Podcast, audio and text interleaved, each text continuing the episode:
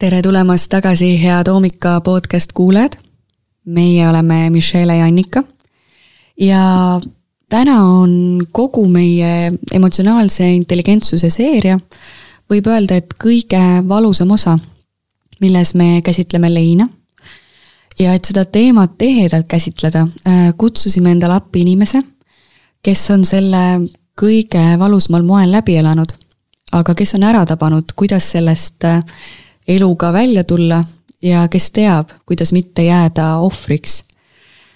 ta on keemiamagister, teadlik ema brändilooja ning naine, kes pööras oma teaduslikud uurivad küsimused nii-öelda koduste suhete keemia uurimisele ja viib hetkel läbi koduõpet juba kuuendat aastat oma kolmele lapsele.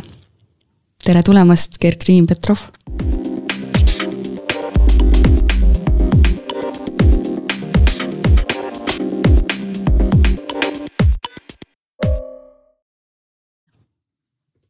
Katriina on siiruse kehastus minu jaoks.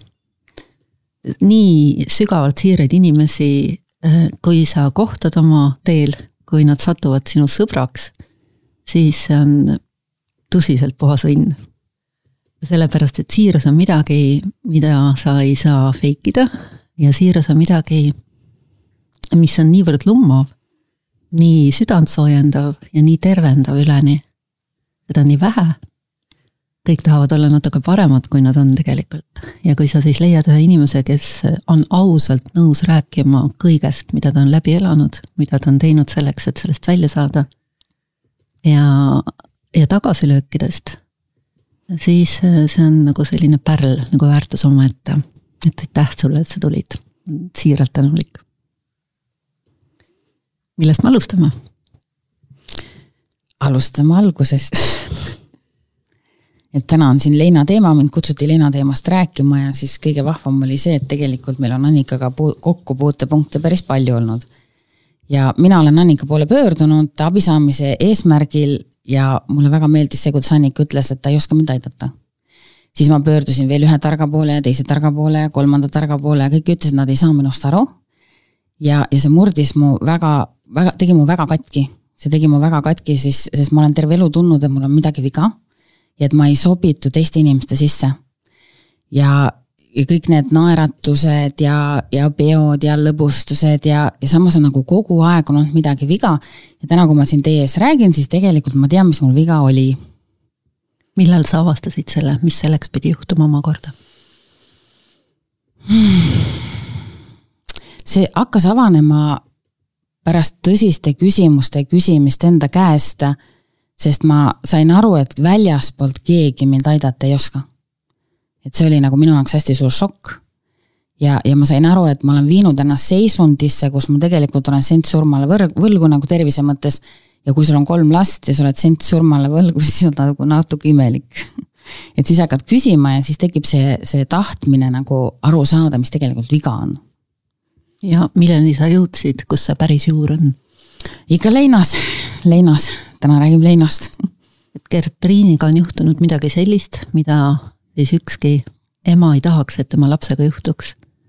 et ta laps jääks orvuks, Gertriin kaotas üheksa-aastaselt, oli nii, oma ema. jaa, aga päris orvuks ma ikka ei jäänud, mul oli isa. isa oli ka, jah. aga kaotada oma ema väikese tüdrukuna, see on midagi, mida mina tegelikult isegi ei oska ette kujutada. mis sellest siis, kuidas inimene kogeb ennast ja, ja kuidas seda elu edaspidi mõjutab natuke äkki avad? ma arvan, et, et seda ei olegi võimalik sõnadesse panna, aga ma toon nagu välja sellise märksõna, et et ma tean hetke, mil ma kuulsin, kuidas süda läheb kildudeks. et see on nagu täiesti sihukene, see on täiesti helina kuuldav, tuntav, arstid teavad täna murtud südame sündroomi, aga ma ei teadnud, et ma nagu selle läbi teen sellepärast, et kui sa oled väikene laps, siis äh, väikest last ei toetatud vanasti leinas ja tänapäeval nagu ikkagi üritatakse toetada. aga probleem on selles, et täiskasvanud ise on ju ka leinas ja siis kott peas inimesed üritavad aidata kott peas inimest, et noh, see päris nagu tegelikult ei tööta. ja, ja sealt saigi kogu see asi alguse ja siis ma tegin siukse, noh, lapsena ma ei saanud hakkama oma valuga, see valu oli naha all hästi-hästi suur. ma üritasin nagu ma hakkasin kraapima enda käsi, ma üritasin ennast nagu naha alt välja kraapida. siis ma avastasin, et kui ma panen silmad kinni ja kaon ära ja ma teen seda õhtuti hästi regulaarselt, siis mul tekkis soov, et ma hommikul enam ei ärkaks ülesse. aga sellest tuli nagu regulaarne praktika ja siis ma hakkasin seda kasutama iga kord, kui elus läks hästi raskeks. ja sellepärast ei saanudki mind mitte keegi aidata, sest ma ei olnud otsustanud elada. et leina avastada see, et kaotus võib panna tahtma sind astuda nagu elust välja, sest sa ei saa hakkama selle valuga ja see on nagu kaitserefleks, et see ei olnud nagu, et ma ei taha enam elada, vaid see oli nagu palun võtke mu valu ära lihtsalt nagu sihukene röökiv, röökiv palve ja siis ma sattusin sõltuvustesse et ma ei ütle ühelegi toidusõltlasele kunagi midagi halvasti, ühelegi joodikule ega narkomaanile, nad lihtsalt tuimestavad valu, mitte midagi muud nad ei tee tegelikult. ja täna ma mõistan ka seda poolt väga hästi see on ka üks põhjus, miks ma ei ole mit-, täpselt samamoodi, et mitte kunagi mitte kedagi ei halvusta, kes minu poole pöörduvad. see ükskõik kui, millise probleemiga inimene pöördub, alati see lõpuks seal sügavuses on mingi emotsionaalne valu, mille omakorda sügaval põhjas on kuskil mingi trauma kunagi. just, ja kui me sellele valule, nagu me ei oska selle valuga midagi teha, et on nii röögatult suur ja meil ei ole seda kedagi või midagi, kellega kasvõi seda läbi rääkida või seda läbi tunda et siis me surume selle valu hästi alla, aga ta undab seal kogu aeg, muudkui undab ja undab ja siis hakkad sinna ehitama üles siukseid erinevaid äh, käitumismustreid, et hakkama saada. just, kaitsemehhanism, jah. aga kaua see kestis niimoodi? ma olen hetkel nelikümmend aastat vana. ma arvan, et ma olin vist kolmkümmend viis, kolmkümmend kuus, kui ma hakkasin selle teemaga julgema tegeleda nagu sügavamalt. nagu noh, ma olin sellega tegelenud, aga siis ma sukeldusin pea eest sisse. sinnamaani sa kogu aeg, su põhiseisund oli valu? oli lein, jah. opa. aga sellest sai isiksus. sellest sai lihtsalt nagu, sest et äh, lapsi, vaadake, täiskasvanud ei taha halba, aga nad vaatavad last niiviisi, ah, sina vaene emata laps Nad lihtsalt programmeerivad su leinama. ma mäletan täpselt seda hetke, et kui oli peielaud, siis ma mäletan, et kõik oli normaalne. ma jooksin ringi, kõik oli normaalne. ja siis tulid täiskasvanud inimesed ja ütlesid mulle, et sa pead kurb olema, sest sul ei ole ema. ehk nad hakkasid nagu programmeerima ja nüüd, kui ma ise tegin siin aastaid lastele enesekaitsetreeninguid näiteks siis ma, minu trenni toodi samamoodi poiss, kes oli kaotanud isa üheksa aastasena ja siis ma nägin, kuidas vanemad jälle teda ka programmeerisid. ole temaga õrn, ta on isa kaotanud poiss ja isa kaotanud poiss ja siis ma näen, kuidas kogu aeg nagu antakse seda positsiooni sulle sisse. ja lõpuks sa oledki see. noh, sa ei oskagi teistmoodi olla, sest sa oledki see. ja, ja siit tule, tuli tegelikult sihukene nagu meeleoluhäired, sest et me ei ole ju kogu aeg leenas. me ikka switch ime sealt välja Muidugi ja siis, kui sa sealt välja switch'id, siis sul on nagu, nagu pea on vee peal, sa tunned ennast nii hästi, sa elad, on ju ja siis keegi tõmbab su vuh, alla tagasi või see valu tõmbab su alla tagasi. ja siis tuligi niisugune nagu, nagu kõrgendatud meeleolud, siis tulid siuksed madalad meeleolud, kõrgendatud meeleolud, madalad meeleolud, ehk ma olen kogu aeg switch inud niiviisi kahe meeleolu vahel. ja, ja see on, see ongi see osa leinast, mida ma ei saanud aru, et see ongi üks osa leinast. Aga mis see trigger siis oli lõpuks, oligi see kehv tervis, mis sundis sind nagu sellest välja tulema? või nagu päris sügavusse minema või oli see midagi muud? minu lapsed kui sa vaatad, kui sa vaatad nende silmadesse ja näed seda rõõmu, siis sa vaatad, sa ei pea nendega sammu selles rõõmus, et sa tõmbad neid nagu ise tagasi. et, et tegelikult ma tahtsin lihtsalt äh, ja muidugi tervis hakkas kannatama, mis omakorda võttis selle sammupidamise maha ja siis sa, noh, ma lihtsalt tahtsin olla nende jaoks parem. leinas inimene, kes on hästi sügavalt leinas ja on sellest identiteedilt teinud, ta ei taha enda jaoks midagi, tal on iseendast kamakaks. et selles mõttes on lapsed olnud mulle õnnistus. see on jälle üks asi, milles me oleme hästi sarnased, ma arvan, et kõik maailma emad, et kui sa ükskõik tegelikult, see ei pea lein olema, see võib ükskõik milline tagasilöök olla ja e, tagasilöökud on piisavalt pikalt kestnud või on piisavalt sügavale oled läinud. või on piisavalt oluline asi sinu jaoks, mida sa tunned, et sa ei saa ära täita, et see mingi unistus läheb kildudeks.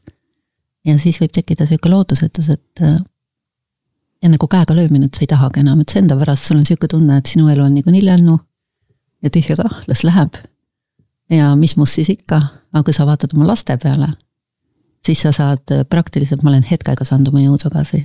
sest ma, see armastus, ema armastus oma laste vastu on lihtsalt niivõrd noh, ülivõrdeline, siin ei ole nagu mitte ühtegi sõna, millega seda piirata saaks, et äh, nende pärast vist ema on võimeline küll absoluutselt kõike tegema. ja tänu lastele tegelikult olen mina, just sellele armastusele olen, olen mina teinud kõik oma suured kannapöörded ja igalt poolt välja tulnud, et seda on nii tore kuulata, et sama selles, selles kohas on emad kõik sarnased. sama siin jah. et siin Annikale tõin ka välja märksõna, et lein on triibuline ja, ja see on nagu hästi oluline märksõna, et kui sul ise oled leinas või sul lapsed on leinas või sa näed inimest, kes on leinas, siis hästi kihvt on see, et inimesed arvavad, et kui see inimene naeratab korraks, et siis juba lein on läbi, et paneme neid täie rauaga edasi, on ju, et nüüd on kõik hästi ja siis nad ehmuvad ära, kus inimene vajub nagu uuesti tagasi leina. ja tegelikult lein ongi triibuline, ta käibki niiviisi triipudena, et sellest siis mitte nagu meeleoluhäiret tekitada. või veel hullem, et me lükkame selle leinava inimese sellisesse seisu, et me ütleme, et, et ära leina enam, see oli nii kaua aega tagasi, lõpetas ükskord ära, on ju. ehk me suleme selle inimese täielikult, selle asemel võikski tegelikult vaadata seda, et las ta olla triibuline las ta kukub tagasi, las ta tuleb välja, et oleme selle inimese jaoks alati olemas, kui ta sealt välja tuleb ja kui ta tagasi kukub, lihtsalt kallistame teda. ja, ja see, see aitab nagu hästi nagu iseennast inimesel mõista, et minul jäi see iseenda mõistmine selles osas täiesti ära, sest ma arvasin, et ma olen mingi friik, et, et miks mul see lein peale käib, et ema on juba kümme aastat surnud, on ju, miks ma ikka veel nutan, et kas ma olen mingi lollakas nagu selles mõttes. aga nüüd ma tean, et see ongi nii. et, et, et see on okei okay aga praegu sul on hoopis teise taseme teadmised, et üks, üks asi, mis meid veel ühendab, on see, et me oleme emotsioonide vabastamise õpetajad mõlemad. et kui sa praegu nendest teadmistest lähtuvalt nagu uuesti saaksid vaadata seda olukorda, kas on võimalik, et ka sellise sügavusega lein äh, lõpetada kiiremini? mis sa arvad? Kui lasta inimesel siis seda triibulist leina kogeda ja lasta tal olla selles äh, nii-öelda selles madalseisus ja seal vabastada, lubadagi, esimene asi on lubada tal olla selles madalseisus, siis teadvustada, vabastada seda emotsiooni, siis nii mina tegelikult lõpuks saingi, saingi sellest probleemist vabaks, et ma lubasin endal leinata. see on esimene asi, mis, mis peab tegema. sa lubad endale leinata, jah, see asi juhtuski ja see oligi nii traagiline, aga samal ajal vabastad ja siis hakkasid vaatama, et need mustad triibud jäid aina õhemaks ja õhemaks ja õhemaks. ja ma mäletan oma esimest sünnipäeva, tavaliselt on nii see, et ma oma sünnipäeval panin ukse lukku ja nutsin. ja ma lükkasin kogu pere endast ära, sest ma nii väga igatsesin oma ema.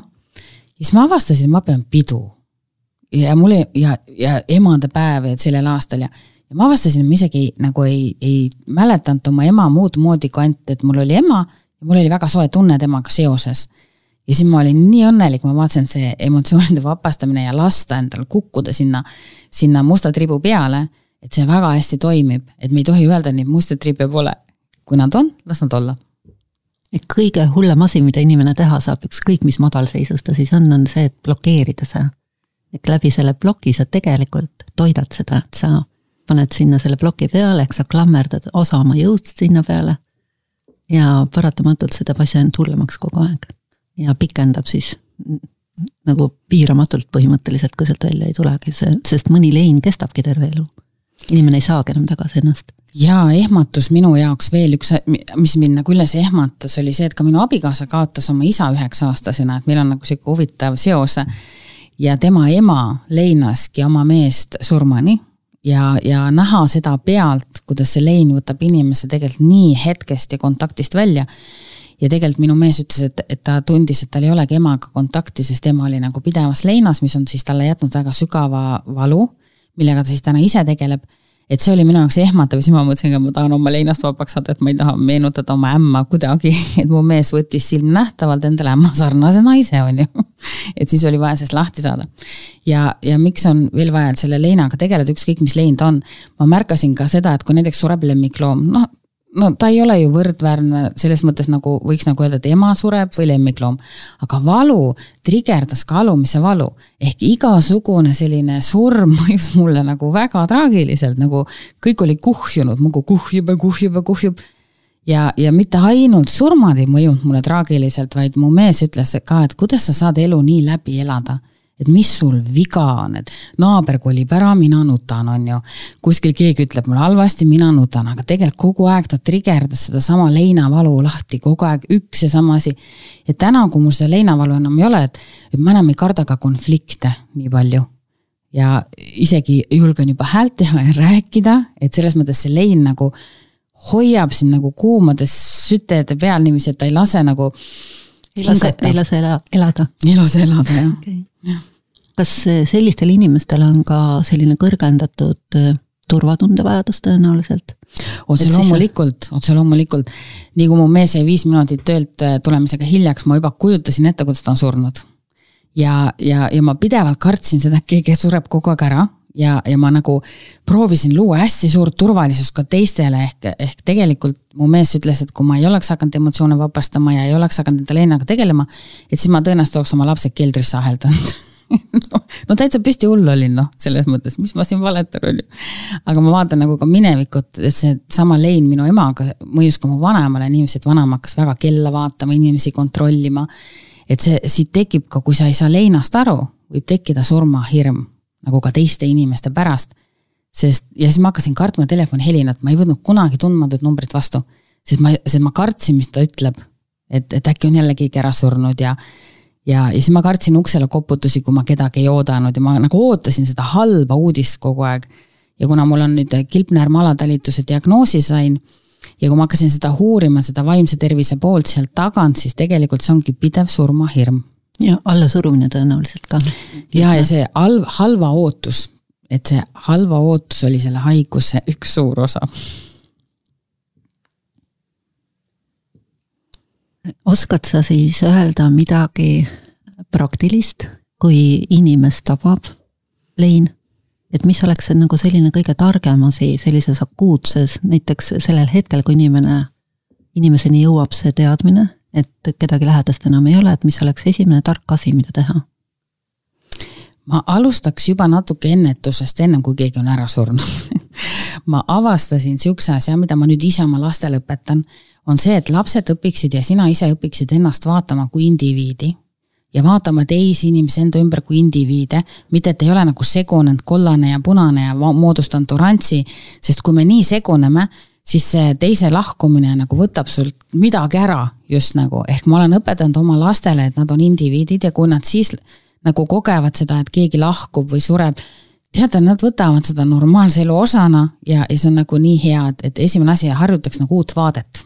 Et äh, inimese terviklikkus ei kao siis sõltumata nagu sellest, kas Täpselt, keegi tuleb või läheb. keegi ei võta talt siis midagi ära et see on nagu esimene asi, mis ma olen nüüd laste pealt avastanud, et, et see on see, mis on neile väga hästi mõjunud, et kui nad kaotasid oma vanaema, kui nad kaotasid oma lemmikloomi, et nad võtavad seda nagu normaalse elu osana, et igalühel on oma aeg, igalühel on shutdown'i hetk ja see on okei okay..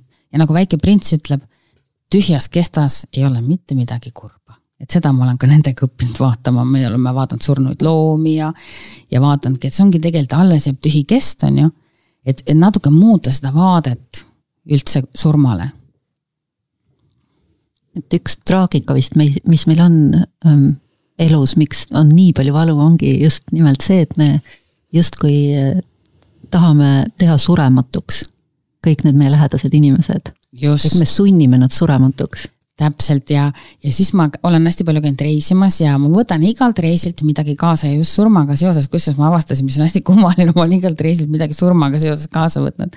näiteks kui ma käisin Egiptuses, siis ma olin seal niivõrd lummatud sellest, kuidas nemad matuseid peavad. Nemad saadavad inimese ära, jätavad hüvasti ja rohkem surnuaias ei käi, mida eestlased teevad vastupidi ja seal jäi mulle kõrva see, kuidas nad ütlesid, tähtis on hoolitseda elavate eest nii et kui meil suri nüüd lemmikloom ära, siis ma tõin lastele välja, okei okay,, tema jaoks me ei saa enam midagi teha, aga paneme nüüd oma fookuse oma kassile. ja lastele sobis see. Nad üldse ei leinanud nii pikalt, kui mina tavaliselt leinasin.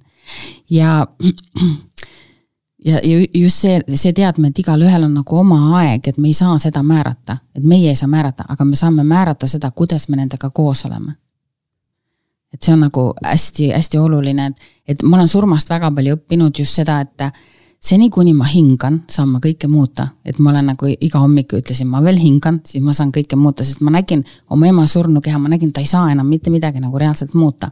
et, et sealt tuli nagu sihuke teadmine, sellega ma olen ennast depressioonis hästi palju nagu aidanud. et sa veel hingad, sa saad veel kõike muuta, et see on mul nagu hästi, hästi palju. aga mida ma tooksin välja, ma panin siia kirja füüsiline valu, mida inimene leinas kogeb, on tegelikult mehaanika. see ei ole mitte mingi mingi kosmiline asi, et ma täitsa uurisin seda ja ma ei saanud aru, nagu see valu jäi mulle keha sisse ja, ja tänu sellele ma jäin nagu sõltuvustesse, sõltuvuste orjaks ja ma hakkasin nagu ennast kahjustama, et seda valu kas siis leevendada või teda nagu välja kraapida enda kehast. ja, ja nüüd ma vaatasin seda kui teadlane, et tegelikult see on puhas mehaanika, siin ei ole mitte midagi kosmilist kui sa paned kaks kätt kokku ja võtad oma kahest käest hästi tugevasti kinni, siis tõmba neid kahte kätt täie jõuga ja avastad, sul on valus. ja see ongi seesama leinavalu, mitte midagi kosmilist siin ei ole. Siin üks inimene tahab ära minna sinu süsteemist, sest te olete energiatega seotud, aga sa ei lase, sa hoiad tast nii kramplikult kinni, sest meile pole öeldud, et ta tahab ära minna ja see on okei. okay et teise inimese energiat, me oleme kõik segunenud nagu emotsionaalsel tasandil, et ta tahab ära minna, temal ongi aeg ära minna. ja siis ma avastasin, et kui sa paned kaks kätt kokku ja sa lõdvestad oma parema käe, siis teine käsi lihtsalt voolab sust välja. ja nii me tegime lastega, kui ähm, meil laste vanaema suri, nii et hommikul ta röögatas, õhtuks oli surnud, see oli väga suur nagu ehmatus meile kõigile, et elus võib jälle nii juhtuda, on ju. noh, mina olen selleks valmis, aga minu lapsed ei olnud. siis ma õpetasin neile sedasama kahe käe asja ja nad lõdvestusid, nad ütlesid, emme, mul läheb valusaks, mul läheb valusaks, ma ütlesin lõdvestuge, lõdvestuge, lõdvestuge. ja, ja see, kui kiiresti nemad sellest leinast nagu välja tulid, nad lasid nagu vanaema energiat nii-öelda kehast lahkuda ilusti see oli minu jaoks uskumatu, ma poleks uskunud, et see, et sa, et, et nii saab ka nagu laste pealt nähes, et ma ise ju olin agoonias maas. Ma mäletan, ma tõesti olin agoonias maas, siis nemad lihtsalt lõdvestusid ja ometi, ometi me elasime koos vanaemaga, nad olid väga-väga lähedased. et ei olnud sihukene noh, mingi kauge vanaema. et näha, et see lõdvestumine aitas, et see oli nagu laste pealt väga hea.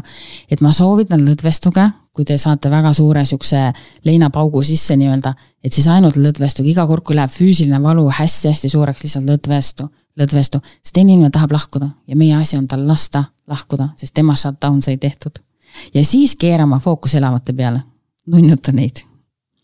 see on esimene asi, teine asi ma avastasin, et, et üks asi, mida ma, mida mitte keegi ei taha taluda ja mida mina ei tahtnud ka taluda, on tühjus et kui inimene sureb ära, siis sa võid avastada, et maja on tühi. ja sa avastad seda tühjust on nii palju, inimesed kardavad tühjust. ja, ja see tühjus on nii jube, et mõni inimene ei tahagi enam näiteks vanaema majja minna, kui vanaema on surnud. ma ise, ise nagu, kui mul oli, kui ma ei olnud veel avastanud neid mehhanisme, siis ma vältisin neid kohti, kus siis kallis inimene oli lahkunud, sest see oli minu jaoks nagu vastikult tühi koht. ja, aga lastega me tegime jälle niimoodi, et, et kui meil vanaema suri ära, siis me vaatasime, et meil jäi nüüd elamine tühjaks ja ma ütlesin, ärme täidame seda tühjust, las see tühjus olla. ja me vaatasime lihtsalt seda tühjust ja me avastasime, et tühjus on, tühjuses asub võimalus, nüüd ma korraks vist rõhutan seda.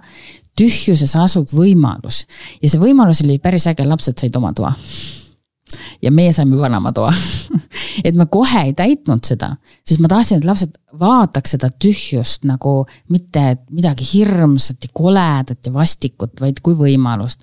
siis meil suri jänes ära, siis me vaatasime jälle, et tekkis tühjus ja me ei täitnud seda puuri kohta, aga see aasta me panime sinna kuuse näiteks, muidu meil oli kogu aeg jama, kuhu me selle kuuse paneme.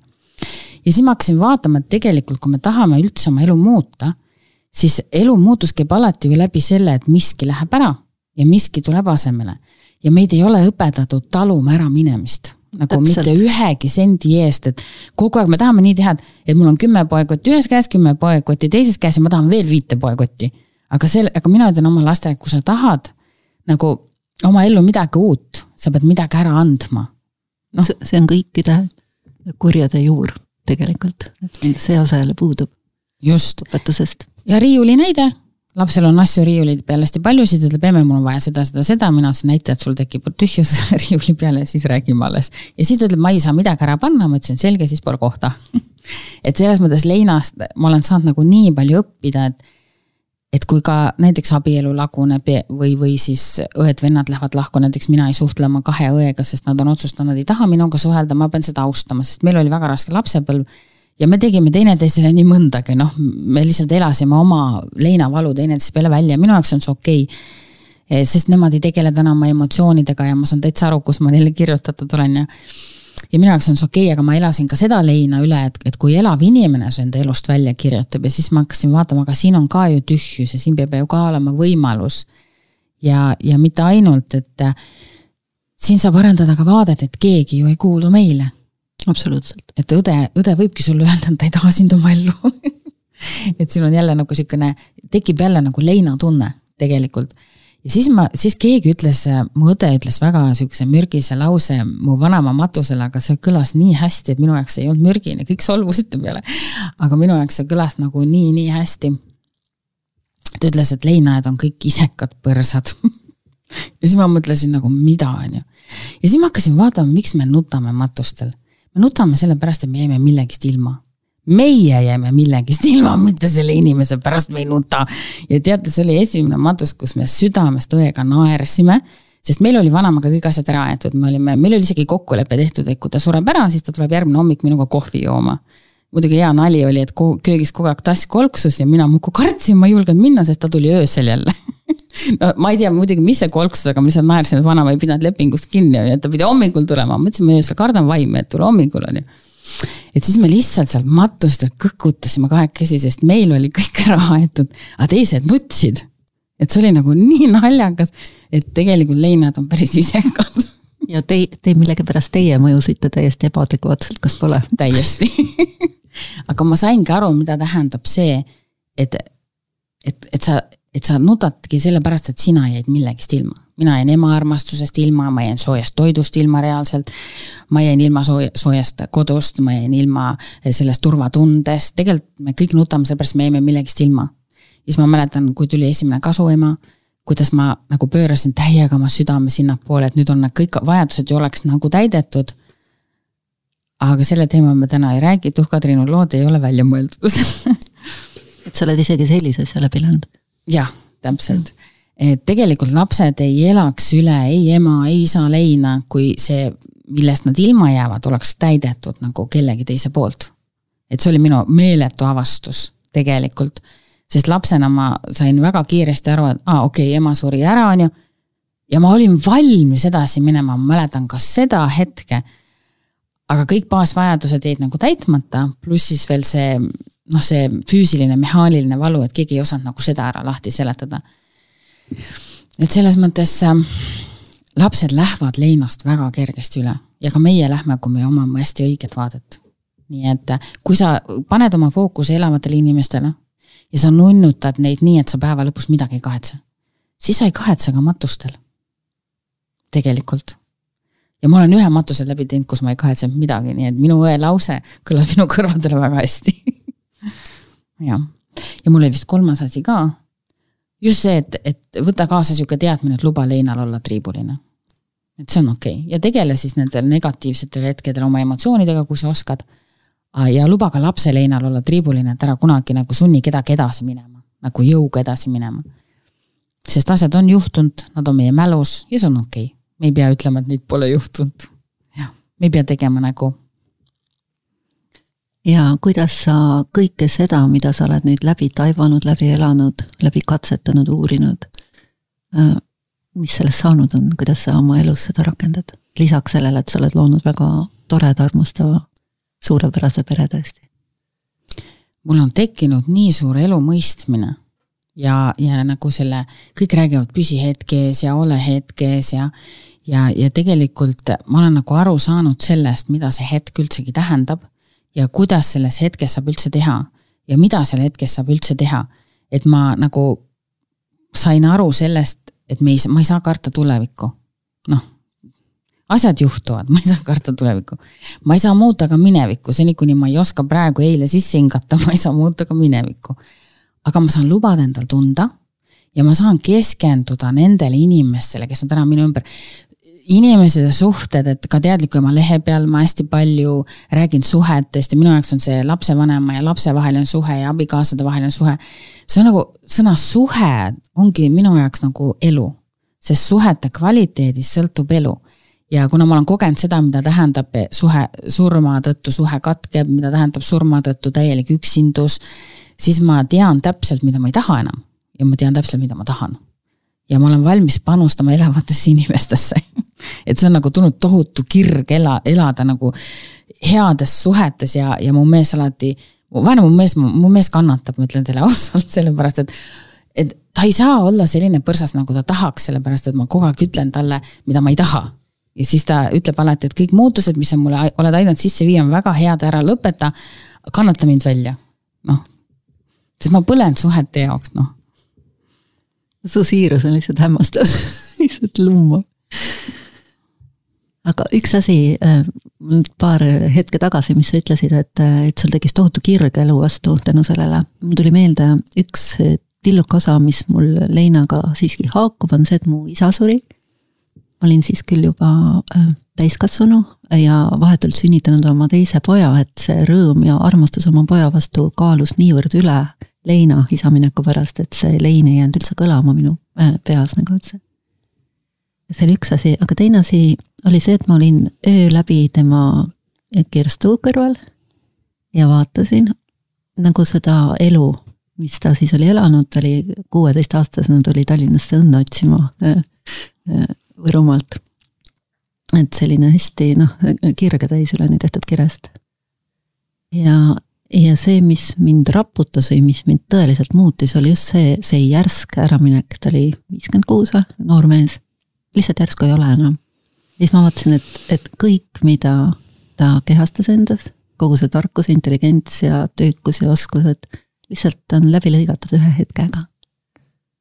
ja see, see, see on nii ettearvamatu, nii ootamatu, et sealt mul jäi nagu ma veel noh, sealt tekkis selline fundamentaalne taipamine elu haprusest ühelt poolt, teiselt poolt selle, sellest, et sul on ainult selles elus ainult see üks võimalus, et Annika, lõpeta magamine, kasuta seda jõudu.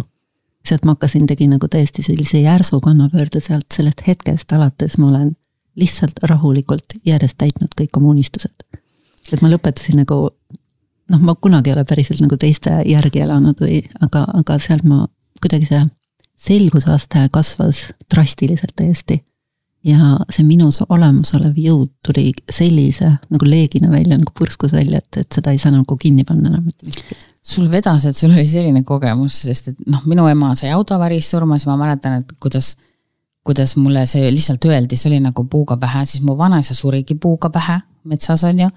siis, äh, siis äh, ämm hommik, sai insuldi hommikul, õhtul oli surnud ja mu vanaema, kes suri vähki, tema siis oli ainus pikaajaline mineja. et muidu mul on nagu kogu aeg puuga pähe olnud. et siit tekkiski tegelikult hirm, et äkki kõik surevad ära et selles mõttes, kui keegi saab hästi palju puuga pähe, on ju, siis üks hetk sa kas hakkad naerma selle üle, sest sa enam ei, nagu ei saa aru, on ju, mis toimub või sa hakkad elu kartma. aga elu haprusest, see on hea soovitus, kuulake Annikat, ärge tehke nii nagu Gert-Triin tegi, et hakkas elu kartma, on ju. võtke parem see, et elu tuleb elada elu tuleb kiiresti nagu selles mõttes enda jaoks, enda kasuks elada. et miks mitte. aga see äkiline äraminek, sellel on niisugune oma hästi huvitav fenomen, et, et kui teil ka keegi nagu noh, teate kedagi, kes leinab ja kes on saanud niisuguse äkilise sõnumi siis ma avastasin, et ka siin on oma käitumismallid, mida võiks rakendada. Et kui meil ämm suri hästi äkiliselt, siis äh, hästi tüüpiline on see, et leinajatest tõmmatakse eemale ja öeldakse, laseme neil leinata. tegelikult see tähendab, uputame nad kurbusesse selles mõttes leinaja, ta, ta on nagu piltlikult öeldes visatakse avakosmosesse ja siis ta tilberdab seal, ega tal, tal ei ole enam eesmärke, tal on, leinajad teavad, pea on tühi, eriti kui tuleb see puuga pähe variant, on ju. pea on täiesti tühi ja siis sa pead tegema asju, korraldama asju, aga sul siis sa unustad kõik ära, siis sa teed kõik valesid korraldusi, ma mäletan, meil oli isegi mat-, meil oli juba Kirst oli seal, pidi sinna auku minema, aga meil polnud luba seda teha, sest me olime unustanud loa hankida. ja siit tuleb minu soovitus, et kui te teate inimesi, kes on nagu leinas, minge küpsetage neile pannkooke. minge, küsige, nii, ma teen kõik ära, mis sul vaja teha on, sina istu siin. vahi nagu see ufo aknast välja siis teed talle süüa, hoolitsed ta eest. ja kõige olulisem, ole kohal. ja luba tal lihtsalt olla. et see oli üks asi ja ma avastasin selle, ämmal oli üks sõbranna, kes ütles, et aga teie ärge istuge seal kodus ja teie tulge mulle külla, me polnud teda kunagi näinud kusjuures ja siis me mõtlesime, okei okay,, me siis lähme, me olime jumala uhvad, meil oli pea täiesti siukene nagu avakosmoses, midagi aru ei saanud, mis sa tegema pead ja siis ta tegi meile pannkooke ja teate, kui hea oli olla siis ma avastasin, minge tehke kõikidele leinajatele pannkooke ja võtke maised koormused kanda. sest sellel hetkel nad ei tohiks maisete asjadega nagu dokumendid ja kõik see kukub ju kaela, on ju. tegelege selle osaga. ja samal ajal oled sa olemas ju, pane talle pannkook sinna, soe toit on alati hästi soe, on ju. ja ole lihtsalt olemas, aga ärge kunagi jätke leineid üksinda. et meid ka, meist ka, kui ema suri, siis tõmmati eemale, siis jäeti leinav isa kolme leinava lapsega, see oli väga hea kombo, väga soovitan mitte teha et selles mõttes, et olge, olge olemas leinavate inimeste jaoks, et seda leina ei pea üldse kartma. lihtsalt teadke, et see seisund on hästi huvitav, kus nad tegelikult on. ja mulle meenub üks äh, Indiast üks lugu et üks mees matis aastate jooksul kogu oma pere, kaotas kogu oma raha ja siis viimasel matusel, siis ta kirjeldas sedasama seisundit seal raamatus nagu avakosmoses ulpimine ja sul on nagu kõigest ükskõik, lihtsalt võta see juhe välja, lenda ära. ja siis ta ütles, et ja siis sai tema vaimne areng alguse. ehk kui me ei tõmba ennast tagasi siia maisetesse tegevustesse ja meil lubataksegi korraks niiviisi hõljuda, siis tegelikult ongi see, ma ei tea, teaduses räägitakse vabadusastmete arvust et meil on, sul on kaks kätt, sa saad võtta asja kahesse kätte ja ongi kõik, rohkem käsi sul ei ole. ja tegelikult see seisund on see, et sul on käed vabad. sul on täielik vabadus, astmete arv, sul on, sa oled täiesti vaba tegelikult sellel hetkel, sest tegelikult, kui see inimene lahkub, siis ta võtab ära koorma, mis ta on sulle toonud. ehk sa vabaned meeletust suurest kohustuste hulgast ja kui sa siis saaksid seal avakosmoses natukene kümmelda, võib juhtuda, et hakkab pihta vaimne areng et see oli sihuke huvitav avastus. ja mulle väga, ma tänan oma sõbrannat, kes sellel hetkel tuli ja ütles, mida siis passite ämma toas, viskame kõik asjad välja teisel päeval ja siis ma mõtlesin, okei okay,, viska siis aga see, kui me panime kõik asjad korraga ära, et see tõstis seda vabadusastme tarva hästi palju. et asjadesse ei tohiks kindlasti klammerduda, et kohe nagu, nagu edasiminekule peaks olema suunatud. aga laske inimestel jah, et minge ligi ja ärge jätke neid üksinda kuidas sina defineerid seda vaimset arengut, see on sihuke sõnapaar, mida ma olen kartunud nagu katku selles podcast'is. sellepärast, et siin on, inimestel on niivõrd äh, kummalised äh, kirjeldused selle. aga mõtle nagu maainimene, nii nagu mina asjast aru saan, ega ma teistmoodi öelda ei saa. kui sa istud ja vaatad kogu aeg oma lillepeenart ja sa kogu aeg vahid oma lillepeenart, sul pole mitte midagi muud, kui sa vahid oma lillepeenart, siis see pole areng, on ju. sa võid sinna istutada asju, sa võid väetada seda, sa võid teha, aga tegelikult äh, füüsikas on niisugune ütlus, et tööd ei tehta siis, kui sa alustad ja lõpetad samas kohas. ehk tegelikult see pole areng, ma no, alati naeran lastele, kui te lähete magama, ärkate samas voodis, pole teinud tegelikult mitte üldse tööd et tegelikult ma ei tee ka kunagi tööd, ma magan ja ärkan samas voodis, nii et selles mõttes me oleme kõik võib-olla natukene siis mitte tööd tegevad inimesed aga vaimne areng, siis ma ütleks nagu selle koha peal, et sa saad pilgu pöörata võib-olla oma, oma aias teistele objektidele ja läbi selle sa saad uusi teadmisi. läbi selle sa võid avastada endas nagu, sul võib midagi lahti lukustada, mingi anne näiteks. Et inimesed räägivad ka seda, et väga rasked leinad on toonud neile näiteks kunstiandeid, muusikaandeid, aga see on just sellepärast, et nad said oma pilgu seal lillepeenralt maha keerata. et minu jaoks on see, on see siis eneses millegi avastamine võib-olla ja, ja millegi nagu ahaa, okei okay,, asjad on nii.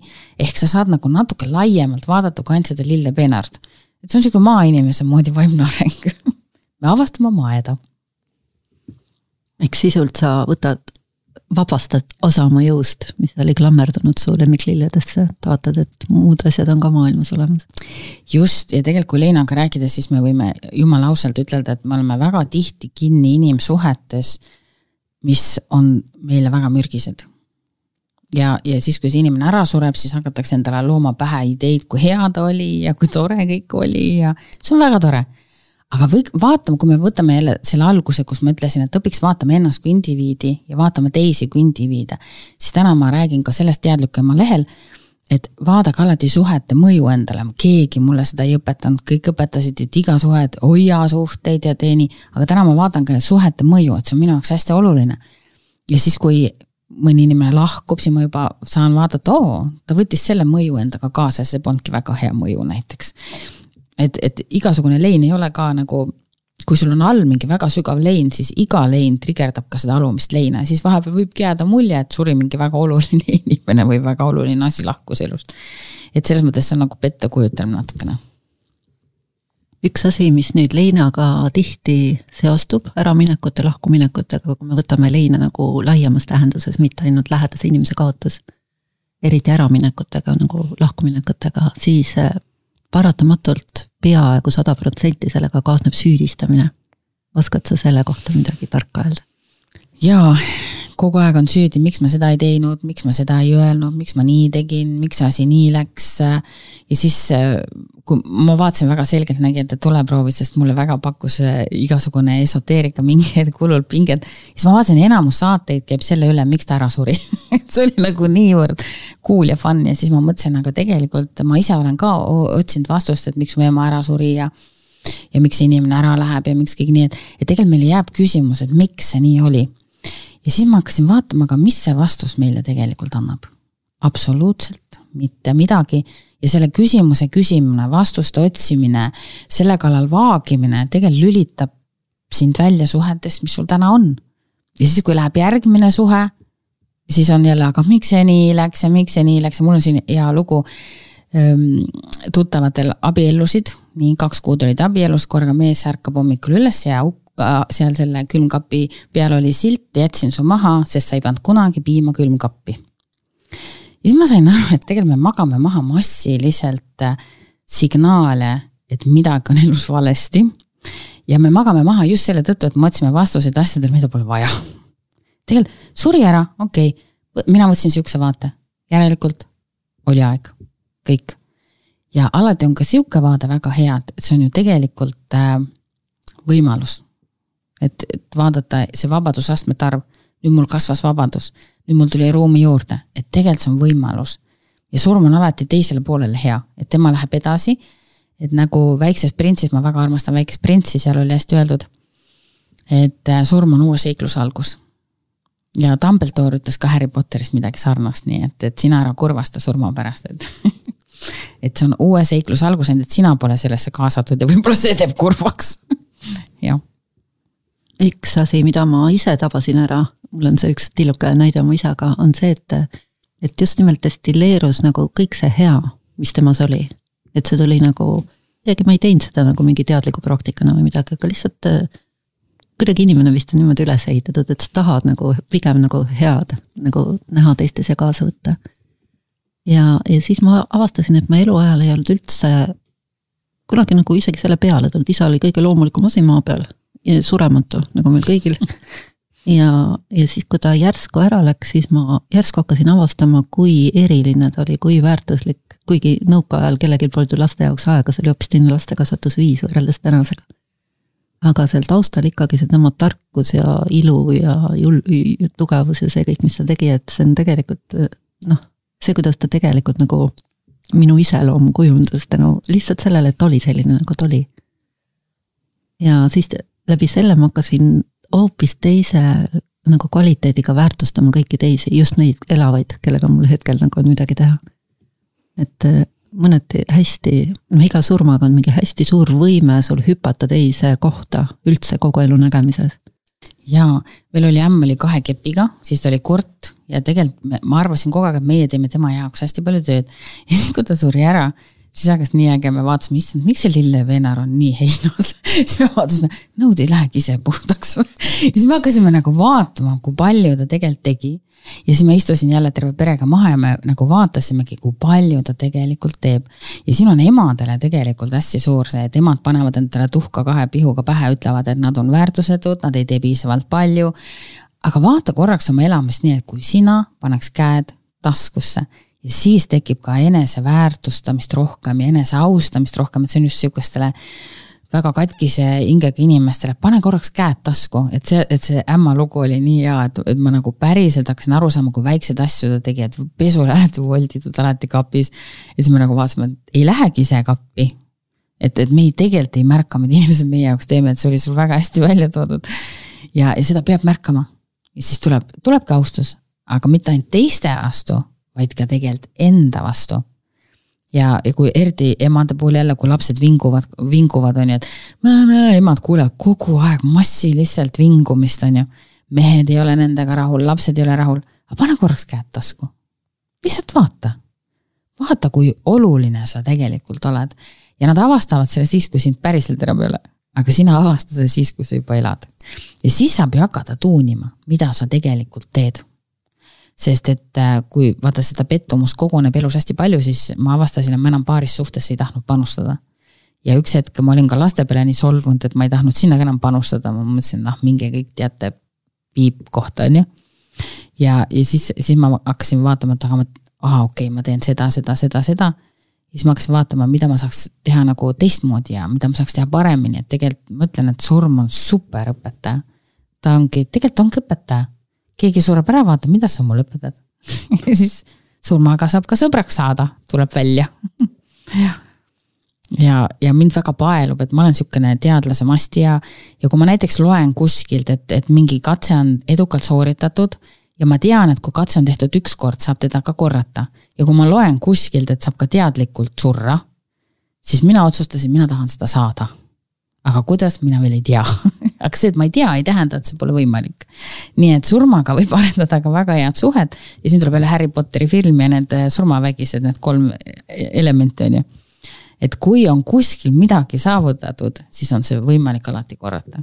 et siin, siin saab natukene nagu seda surmateemat veel natukene enda jaoks avardada, et kuidas siis oleks teadlik suremine, et ei oleks nagu puuga pähe, on ju. et saaks nagu ise seda hetke valida ja saaks nagu ilusti minna, et joogas on öeldud. ja siis ta muutis oma keha valguseks, mina ütlesin lastele, mõtelge, kui äge, teen pauhi valmis ja polegi matuseid ja lapsed ütlesid no aga mis siis saab, on ju, ja mu mees ütles, aga kust siis dokumendid tulevad nii et nemad leidsid juba maiseid takistusi aga mina ikka teen neile nalja natukene, jah. Meie aeg hakkab äh, otsa lõppema, et kuidas seda nüüd kokku võtta kõik ilusti, siin oli nii palju selliseid tillukesi, nii tillukesi kui suuri tarkuseid ja abivahendeid, kuidas paremini saaks oma elu edendada, et et äh, kuidas sellist inimese jaoks, kellel on ikkagi suhteliselt võib-olla kehvasti elus läinud, et neid selliseid tillukesi leinasid on päris palju, et elu ei ole läinud nii, nagu ta on tahtnud. ei peagi olema mingi traagilist suurt surma, aga piisab, kui väikesed ebaõnnestumised kuhjuvad, mis tegelikult on ju kõik väikesed leinad, võib ju niimoodi öelda. kui mingi asi ei lähe nii, nagu sa tahad. mingi inimene, kes, keda sa oled võib-olla terve elu jumaldanud, järsku tundub, et ei olegi enam jumal. et see on suur lein tegelikult, igasugused sellised suured ja väiksed asjad, kui nad kuhjuvad. ja inimesel selline sisemine turvatunne nagu kõikuma hakkab. et kuidas seda saada nii tugevaks ja tummiseks, et see enam ära ei kaoks, oled sa leidnud selle vahendi? mina olen teinud niimoodi, et kui sa vaatad valget paberilehte ja sa hakkad sinna joonistama, siis see joonistus just nagu tekib sinna. eriti kui sa kasutad siukseid graafikalaudasid, pulkasid, siis just nagu midagi ei tee, aga midagi tekib sinna. ja siis ma olen teinud niimoodi, et ma istun väga rahulikult. ma leian üles oma hingamise, ma hingan väga rahulikult ja siis ma vaatan sihukese pilguga, et mis minus nüüd lahti lukustub. Mis see olukord minus lahti lukustab et tegelikult iga olukord tuleb midagi lahti lukustama ja siis ma vaatan, okei okay,, praegu on tohutu kurbus südames, siuksed mõtted, need lukustuvad lahti ja, ja, ja see on nagu hästi sihukene hea pehme vaade sellele, sellele, aa okei okay,, need asjad joonistuvad nüüd sinna paberi peale. Ja nüüd, nüüd siis peaks tekkima valik, et mida ma sellega teen. aga juba see, et ma luban tal lahti lukustada ja ma täna näen väga palju inimesi, kes ei luba lahti lukustada. et äkki ma olen kuidagi halb või äkki ma olen kuidagi paha, kui see asi minu sees lahti lukustab. aga kui, kui sa istud väga-väga rahulikult ja lukustad neid asju, lased vaikselt-vaikselt lahti lukustada ja samal ajal lõdvestud, siis see on nagu leina puhul niisugune ja pettumuse puhul hästi-hästi mõnus. tervendav, sügavalt tervendav. ja siis ma olen veel teinud ka niisuguse, ma avastasin lapsena niisuguse, nagu sul on oma, oma käed, on ju, ja, ja sa võid ette kujutada, kuidas sa võtad omaenda südame oma käte vahele ja sa lihtsalt hoiad oma südant ja sa hoiad iseennast ja, ja siis on hästi turvaline lahti lukustada, et ma olin väga üksi, ma olin väga üksi, ma pidin kogu aeg ise leiutama, et mitte päris hulluks minna. et, et see oli hea.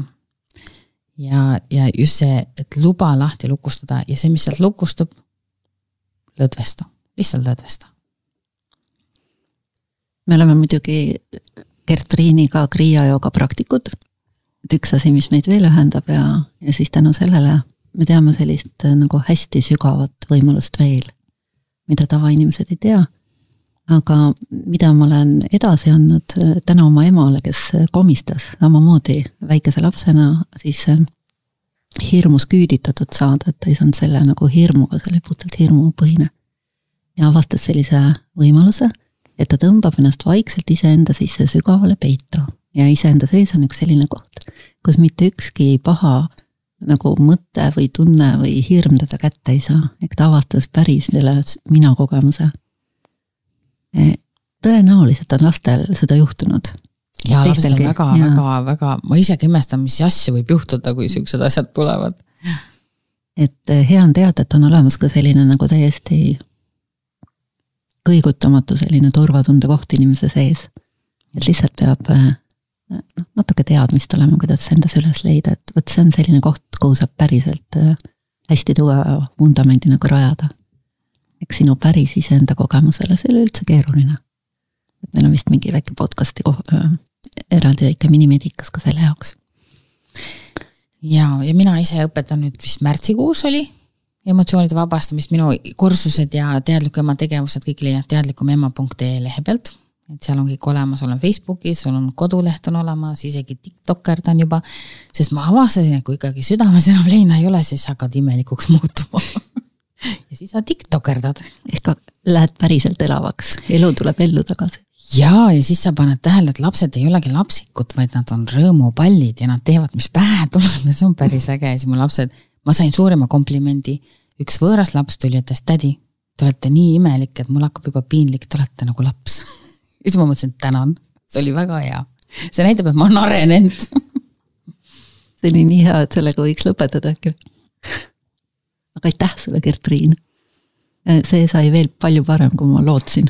ma ei lootnudki väga midagi, aga, aga see sinu kogemus, noh, seda tegelikult tõenäoliselt me kutsume sind veel ja veel ja veel, sest neid erinevaid kohti just suhetega ja lastega suhete ja selliseid nüansse, mida sa oled avastanud, noh, kuna ma tean sind lähemalt, siis ma tean, et see on imetilluke osa, mida sa praegu jagasid. et seda sellist hästi praktilist maist äh, maanaise tarkust, kes samas on teadlane. Ja, ja nii palju oma elus läbi elanud, et noh, seda ei ole liiga palju. kõik õpetavad midagi, aga need kõik tihti ei ole väga palju ise läbinud. ja see päris praktiline tarkus on midagi, mis on, päriselt aitab, aitäh sulle.